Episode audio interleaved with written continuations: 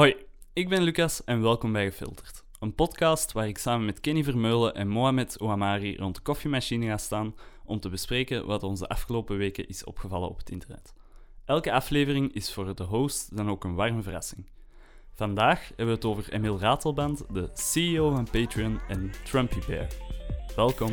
Ik zou je toch willen vragen om die koffie eens op te heffen. Maar een beetje dom is ook wel lekker. We zitten met een ring.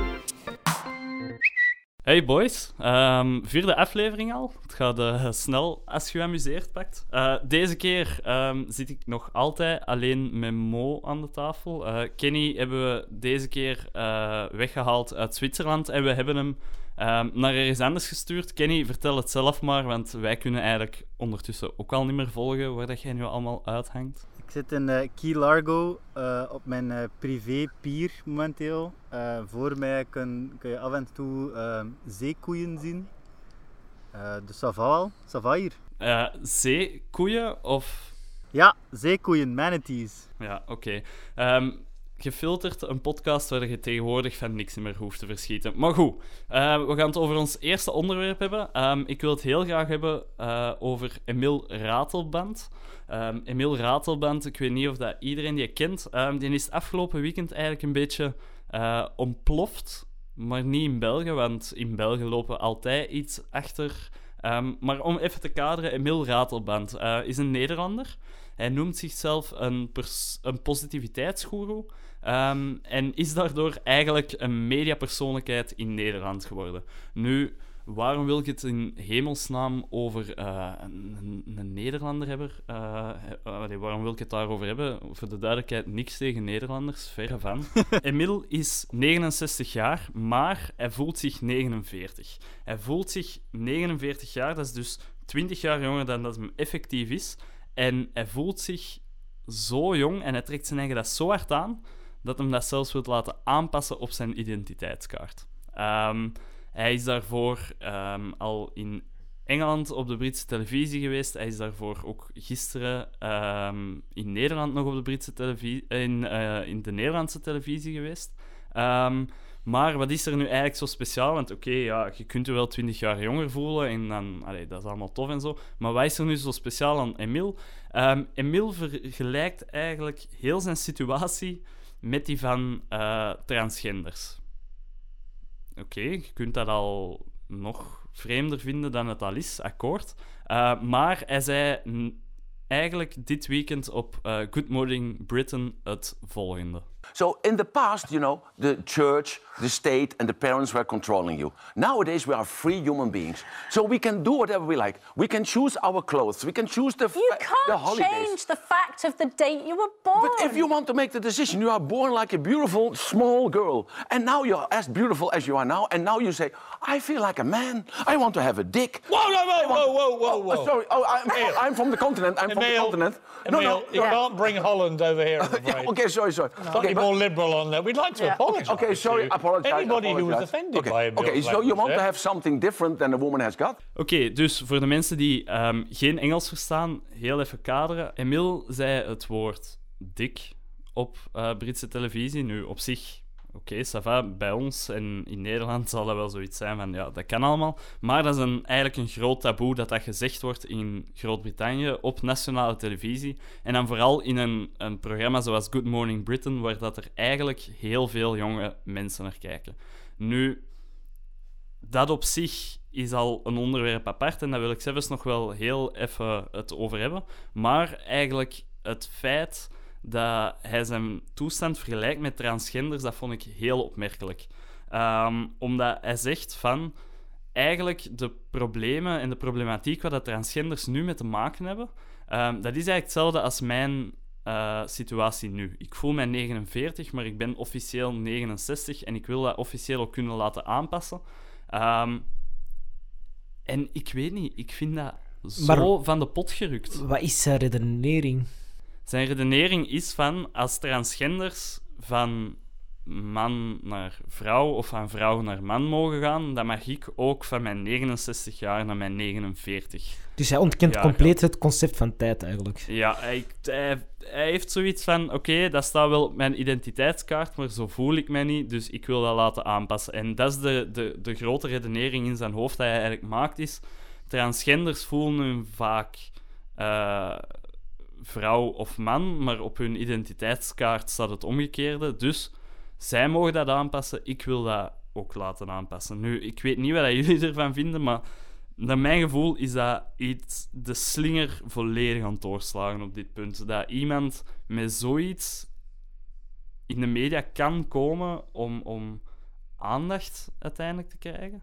Ehm, en, en ja, daar echt tot in Groot-Brittannië, in de Verenigde Staten staat hij ook op kranten. Hij staat in Nederland ook overal.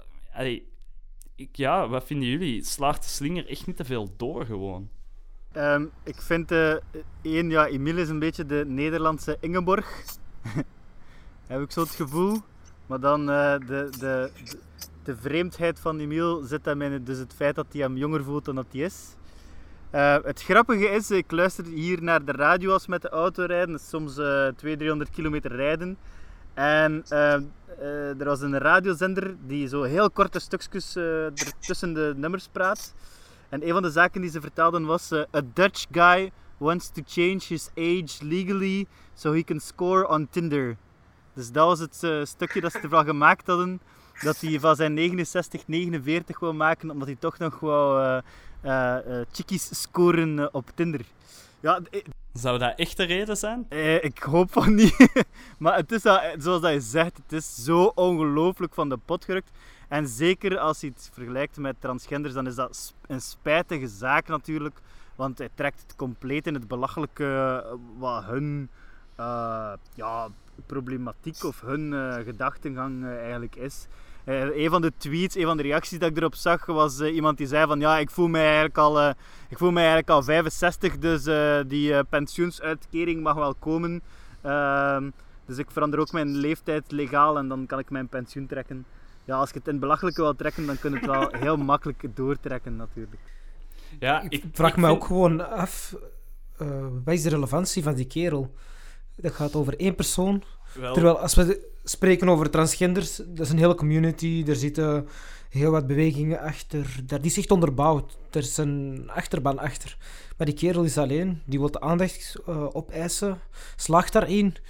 En om een of andere reden krijgt hij die keive broadcasting eh, tijd. Dus dat vind ik enorm bizar. En dat doet mij een beetje denken aan die partijvoorzitter van de Partij Islam een paar maanden geleden. Dat dat ook iemand was die alleen stond. Eh, geen aanhanger, maar plotseling was hij het grootste gevaar van, van Vlaanderen. Eh, dus dat vind ik altijd zo dubbel als ze zo van die marginale figuren opblazen en een platform geven, terwijl er mensen zijn die de platform meer verdienen dan hun. Nu, ik denk wel, ehm Emile is iemand die geregeld op Nederlandse televisie komt, dus ik snap ergens wel waarom dat, hij, allee, dat het nieuws, als, als we het al nieuws kunnen noemen, zo groot is geworden rond hem. Nu, maar ik denk dat Kenny daar zeker een, een heel goed punt heeft, dat eigenlijk heel de problematiek rond eh, transgenderrechten, dat die eigenlijk nu gewoon ja, doodgeslagen wordt door een of andere zot die zijn leeftijd gewoon wilt laten aanpassen omdat hij zich zo voelt. Ehm, ja, het doet, mij, mij zo een beetje denken aan mensen die hun plots een kat of een tijger vinden en dat dan ook maar willen aangepast zien op hun identiteitskaart. Dat gaat ook niet gebeuren. Ehm, dus ik denk, ja, Emil, dat Emil is heel goed moet nadenken of dat hij met hetgeen wat hij nu aan het doen is, of wat hij wil teweegbrengen, dat, ehm, dat dat wel een goede zaak is. Niet alleen voor hem, maar ook voor andere mensen die nu onrechtstreeks ineens ehm, ja, geconfronteerd worden met heel deze discussie. Ehm, en ik hoop vooral, maar ik vrees er een beetje voor, want als we de Vlaamse media kennen, zal het eh, binnenkort ook nog wel bij ons eh, te zien zijn. En voor hetzelfde geld zitten binnen een paar dagen bij Van Gils en gasten. Nu, laten we hopen dat dat niet het geval is. Dus ik stel me gewoon de vraag: wil zo iemand herinnerd worden daarmee, dat hij dat aan zijn kleinkinderen vertelt. Ja. Van, eh, ja, grootvader is ooit in het nieuws geweest omdat hij zich, wat is 49 in plaats van 69 voelt. Maar goed, ehm, ik weet niet of dat jullie nog iets over Emil willen zeggen, maar misschien hebben we hier al wel genoeg aandacht aan gegeven aan de persoon Emil Ratelband. Ik denk, Ehm, kort, samen, ik denk kort samengevat, eh, sorry Emiel, eh, maar eh, het lijkt mij een slecht idee. En ook sorry furries die zich tijger of kat voelen, maar ook dat zal niet lukken. Alright. Nee, goed. Emil Ratelband hebben we gehad. Die kunnen we verwijderen van onze koffiemachine. Ehm, Kenny, ik ga even het woord aan u laten. Aangezien dat jij in de Verenigde Staten zit, is het misschien wel eens tijd om het nog eens te hebben over iemand die ook van de Verenigde Staten komt. Dat klopt. Ehm, ik heb het vorige keer gehad over een van mijn nieuwe helden, Uba Butler. Ehm, de Vice-journalist die allemaal zotte shit deed. En eh, deze aflevering wil ik het hebben over een van mijn andere helden. Helden met een H en niet met een G. Ehm, Jack Conti. Zegt de naam Jack Conti jullie iets? Mij zegt de naam Jack Conti wel iets, eh, maar ik ga het al even de clue weggeven. Eh, Jack Conti, toen ik hem voor het eerst zag in een van zijn YouTube-video's, dacht ik dat is een van die gasten van OK Go, die, een, die daar ook geniale videoclips maken, omdat de video van Jack Conti op YouTube mij heel hard deed denken aan OK Go. Ik denk dat we hetzelfde filmpje hebben gezien. Eh, daarvan ken ik hem. Ik ken Patreon ook als, eh, als platform. Maar ik volg de man niet van eh, heel nabij. Ja, wel, de- de reden waarom dat ik, eh, dat ik eh, Jack Conti wil voorstellen en waarom dat ik mensen eh, aanspoor om erover te praten aan het koffiemachine met hun collega's, als een van de eerste waarschijnlijk in Vlaanderen, is eh, omdat het eigenlijk een beetje een homo universalis van 2018 is. Die gast is, ehm, heeft een band, meerdere bands eigenlijk, speelt in meerdere bands. Eén daarvan is Pomplemoes. Ehm, die heeft hij met zijn vrouw. En eh, die band bestaat eigenlijk vooral op YouTube. Eh, sinds 2008 eh, maakt hij eigenlijk nummers. En één daarvan, een nummer daarvan, had ik denk 10.000 euro gekost in productie. Ze hadden daar drie maanden aan gewerkt. En uiteindelijk hadden ze 900 euro YouTube revenue. Dus eh, Jack Conti zei, "Goh, pff, dat is eigenlijk wel een beetje triest. Ehm, eh, misschien moeten we dat oplossen. Dus hij heeft eh, toen eh, Patreon opgericht.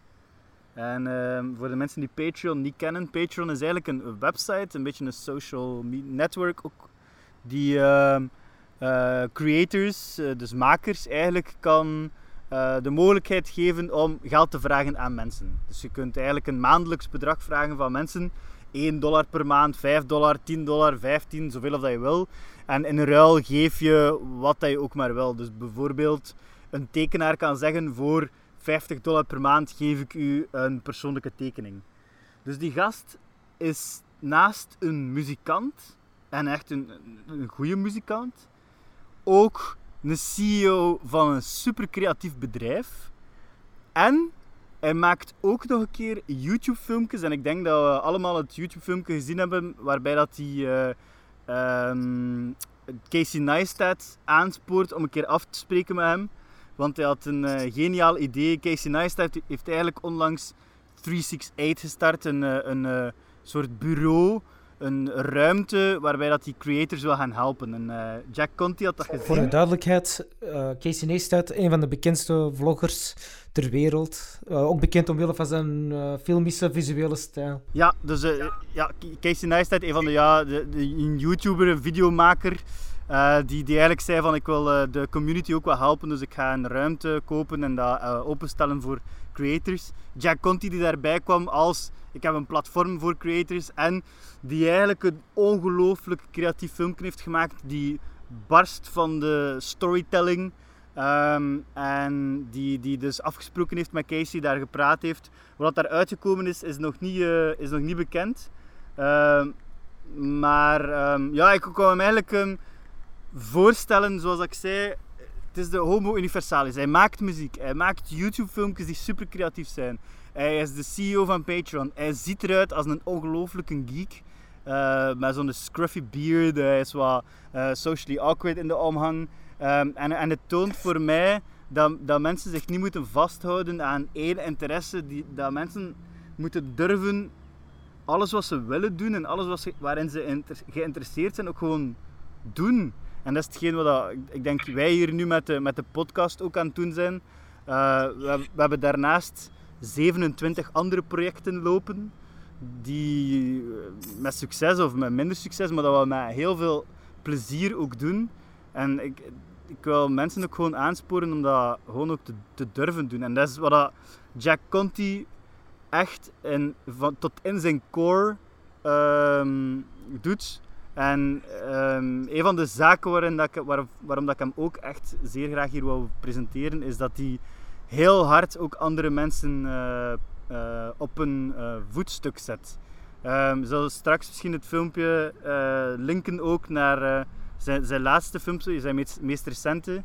Daarin heeft hij eigenlijk ehm, tot, tot in detail uitgezocht waarom dat L. Mills, een van de beste YouTubers momenteel, ehm, heeft de Breakthrough YouTube Award gewonnen onder andere. Hij heeft tot op het eh, bot eigenlijk uitgezocht van wat maakt daar eigenlijk zo goed. Dus hij is tot bij haar thuis geweest en heeft eigenlijk eh, afgesproken met haar en gevraagd van oké, wat als 19-jarige of als 20-jarige, wat zorgt er eigenlijk voor dat hij zo'n goede filmpjes maakt?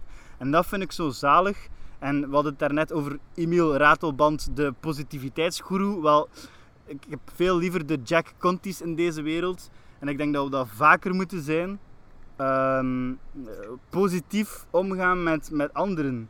Ehm, en eh, laat dat in mijn korte stukje een oproep zijn om eh, misschien minder te klagen over eh, negatieve mensen en over mensen die, die, die niks bijbrengen in de wereld. Zoals de Emiel Ratelbans. En dat moet misschien een oproep zijn aan onszelf ook. En gewoon meer ruimte te geven aan de mensen die gewoon echt coole shit maken.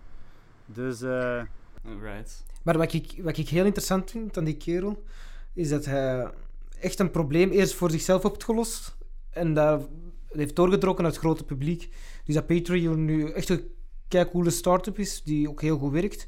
Is nog niet volledig doorgebroken in Vlaanderen, maar ik, eh, sponsor, allee, ik ben een Patreon van, eh, ja, van iemand die podcast maakt rond eh, Arabische geschiedenis en zo.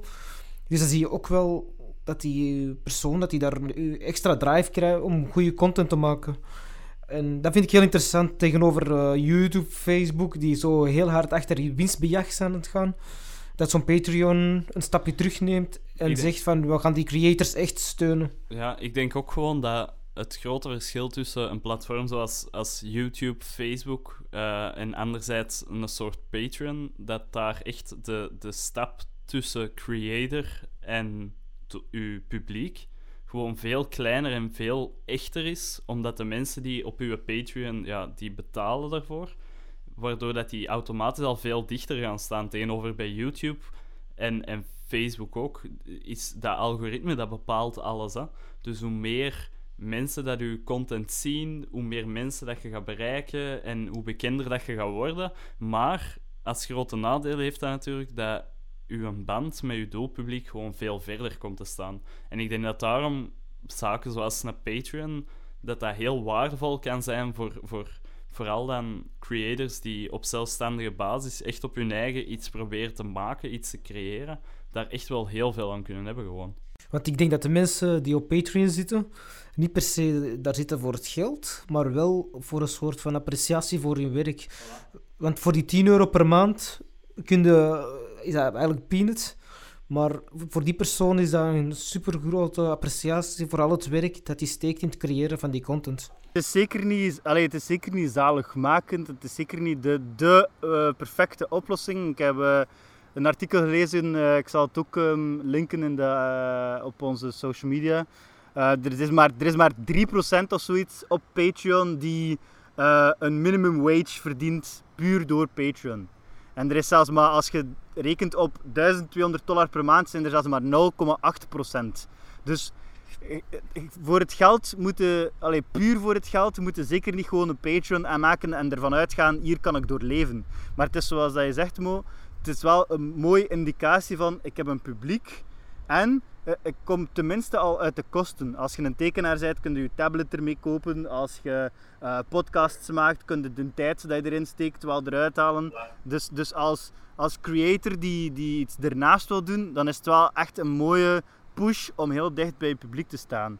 Ehm, dus ja, en ik, en ik vind meer, meer mensen binnen Vla- in Vlaanderen moeten dat, moeten dat durven doen. En ik weet, in Vlaanderen zijn we nogal schuchter als het gaat om geld en geld durven vragen.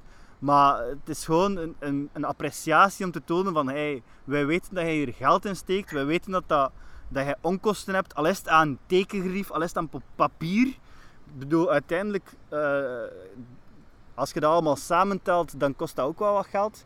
Eh, maar meer creatieve mensen moeten dat durven doen. Bedoelde nu, Kenny, dat wij ook stilletjes aan de Patreon moeten beginnen? Of is dat zo hetgeen waar je naartoe aan het werken Eh pak dat we wachten tot eh, aflevering 10 of zo. En totdat je terug in Zwitserland zit, waarschijnlijk. Eh, Totdat mijn rekening terug open is in Zwitserland. Ja, voilà. Alright, nee, kom, we gaan hier afronden ehm, wat Jack Conti en Patreon betreft. Dus eigenlijk, conclusie, ehm kende creators, kende eh, artiesten, steunt die zoveel mogelijk. Is dat door een Patreon, is dat door iets anders? Zolang dat je maar die blijk van appreciatie geeft. Voilà, en die blijk aan appreciatie kan zo eenvoudig zijn als een tweet, als een Facebook post, als eh, een bericht delen van die mensen van hey, dit is echt coole shit. Eh, dat kan al genoeg zijn. Alright, top. Ehm, het volgende onderwerp. ehm, ik wist er heel erg weinig van. Ik heb hier net met Mo even gezeten ehm, en hij liet mij een geluidsfragment horen. We gaan dat zo meteen ook afspelen. Ehm, ik waarschuw jullie, ik heb plat gelegen van het lachen. Hier is het geluidsfragment. The wind whispered through the forest. A storm is coming. You cannot defeat the storm. From the trees rose a resounding voice I fear nothing. I come when the trumpet sounds. I am the storm, the great American grizzly. Introducing the original Trumpy Bear, the fearless, super plush American grizzly. Trumpy Bear was born June 14th, Flag Day. Just find the secret zipper and pull out the flag blanket. Then wrap yourself in the red, white, and blue for comfort and warmth.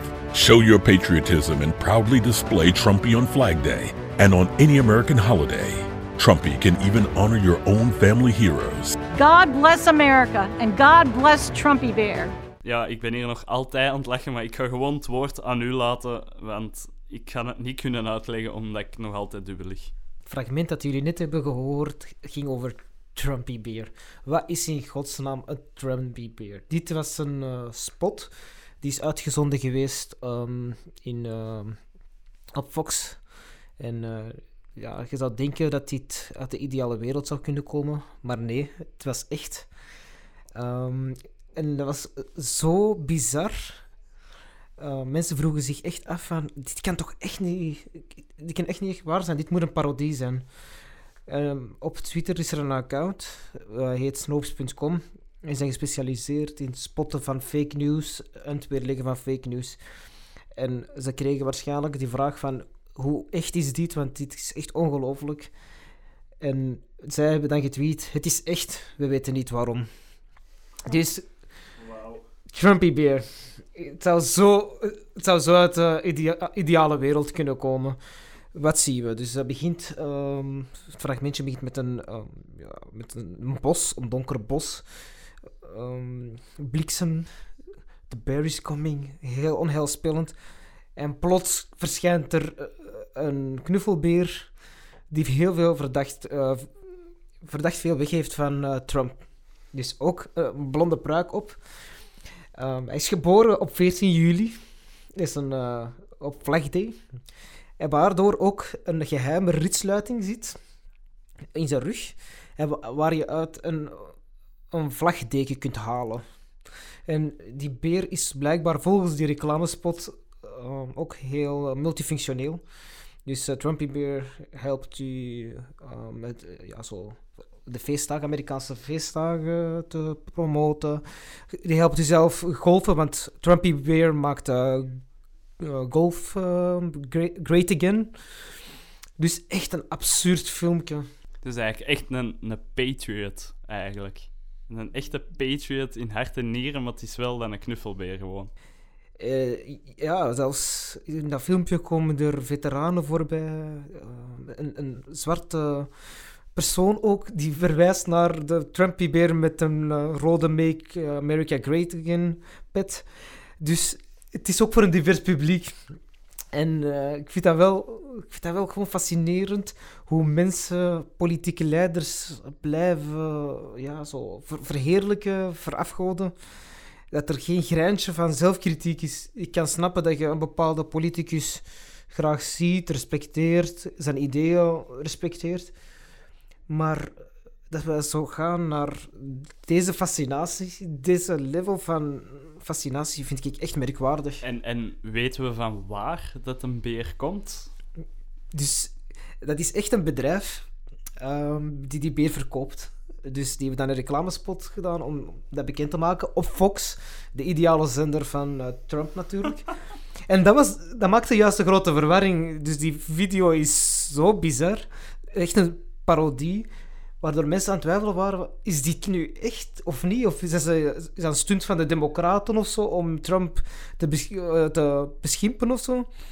Maar blijkt dat dat echt gewoon een serieus product is. En het grappige is, je krijgt dus bij die Trumpy Bear en, eh, en de, de, vla- de vlag, eh, het vlagdekentje, krijg je ook een ehm, certificaat dat het een originele Trumpy Bear is. Ik verzin dit allemaal niet. Dit is echt Wauw. iets bestaand. En ik vind dat gewoon fascinerend, echt waar. Maar wacht. Dus we beginnen ondertussen al merchandise te ontwikkelen voor politici. Ja, zonder dat ook die politici er maar iets mee te maken hebben. Dus dat zijn onafhankelijke bedrijven die zoiets hebben van op een brainstorm-sessie van... Ah, misschien is Trumpy Beer eh, wel een goed idee om te verkopen. Daar zal wel een markt voor zijn.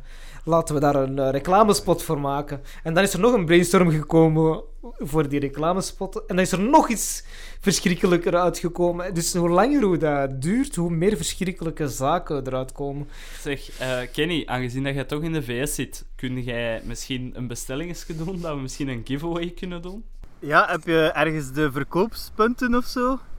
Want eh, ik, zit hier, ik zit hier in eh, Florida, hè, dus eh er is hier wel wat Trump-minded af en toe. eh, dus Ja, ik denk dat het wel een goed idee is om dat, om dat te checken. We zullen, we zullen in ieder geval de bestelling ook mee in de beschrijving zetten. Ik vind wel dat, we, dat we dit idee misschien best ook eens eh, verplaatsen naar Vlaanderen. Dus dat is Ja, een goed idee. ik- En zo'n Theo Franke-beer zo. En wel, ik was mij het er net ook aan dat vragen. Wilt dat nu zeggen dat we binnenkort een Theo Bear gaan krijgen? En, en... Maar het, het ding is, er zitten wel geen beren in Vlaanderen, dus we moeten dat wel vervlaamsen. We hebben een Leeuwtjes. Ook al hebben we geen leeuw in Vlaanderen, maar ja. vos. We hebben Dus, wel eh, een vos. Misschien een vos of een wolf of zo. Een theowolf. Oh, Een ik mag er echt niet aan denken, sorry. Maar de moment dat dat gebeurt, dan denk je dat het tijd is om politiek gewoon af te schaffen. Dan misschien een, eh, een tip voor Armand van Vervaak. Dat hij misschien zo'n lijn kan opstarten voor Theo Franke. Hij is zijn grootste fan. Dus wie weet. Het is wel, het is wel zo, ik luister hier eh, in de auto niet alleen naar, naar muziek, maar ook af en toe naar Fox News. Ehm, en het is eh, gestoord, ja, die eh, verheerlijking voor, voor Trump is nog altijd zeer aanwezig. En je vindt hier effectief ehm, Trump merchandise, Trump bobbleheads eh, bijvoorbeeld. Ehm, eh, ik heb nog geen eh, gekocht, maar het zou wel kunnen dat ik wel eh, op het einde nog een keer iets eh, Trump-minded koop. Alleen in Amerika waarschijnlijk, ja. Ja, sowieso, sowieso. Ja, ik vind... Nee, Ik wil gewoon even afsluiten dat we dit ook... Dat ik dit nog altijd problematisch, eh, problematisch vind. Omdat ehm, dat we altijd gezond wantrouwen moeten blijven hebben tegenover politici. Die, Ja, dat ik- verafgoden, dat is echt een slecht idee. Daar komen we echt altijd volle van. Dus daarom laten we daar ehm, nederig in blijven. Laten we alsjeblieft geen eh Theo-wolven creëren. Theo, moest je dit horen, doe het niet. Please. Dank u wel. Oké, ehm, ik denk dat we bij deze gaan afronden. Eh, we hebben weer al drie onderwerpen gehad. Eh, weten jullie weer al wat je de komende weken aan de koffiemachine allemaal kan vertellen? Eh, Kenny, Mo, merci. Graag Ehm, gedaan. Kenny, wel de volgende keer terugkomen, hoop ik. Ja, een kleine PS trouwens op het laatste stukje. Ook Philip de Winter. Ook al heb je connecties met China en kun je dat daar goedkoop laten maken, ook dat is geen goed idee. Alright. Ehm, bij deze. eh abonneer op de podcast, moest je dat nog niet gedaan hebben. Deel hem met iedereen dat je wil. Ehm, we willen ook nog even, want aangezien dat Kenny in eh, de Verenigde Staten zit en wij dus ehm, ja, geld genoeg hadden om eindelijk een goede studio te huren, toch nog heel even Stamp Media bedanken. Ehm Stamp Media, het mediaplatform voor en door jongeren. Eh Dank je wel voor eh, ja, de faciliteiten dat wij de, de studio mochten gebruiken. We gaan beloven dat we het hier proper achterlaten. Eh, maar dus, dank u wel voor het luisteren naar alweer de vierde aflevering van Gefilterd. Deel het met je vrienden. Ehm, laat ons weten wat je ervan en tot de volgende. Ciao!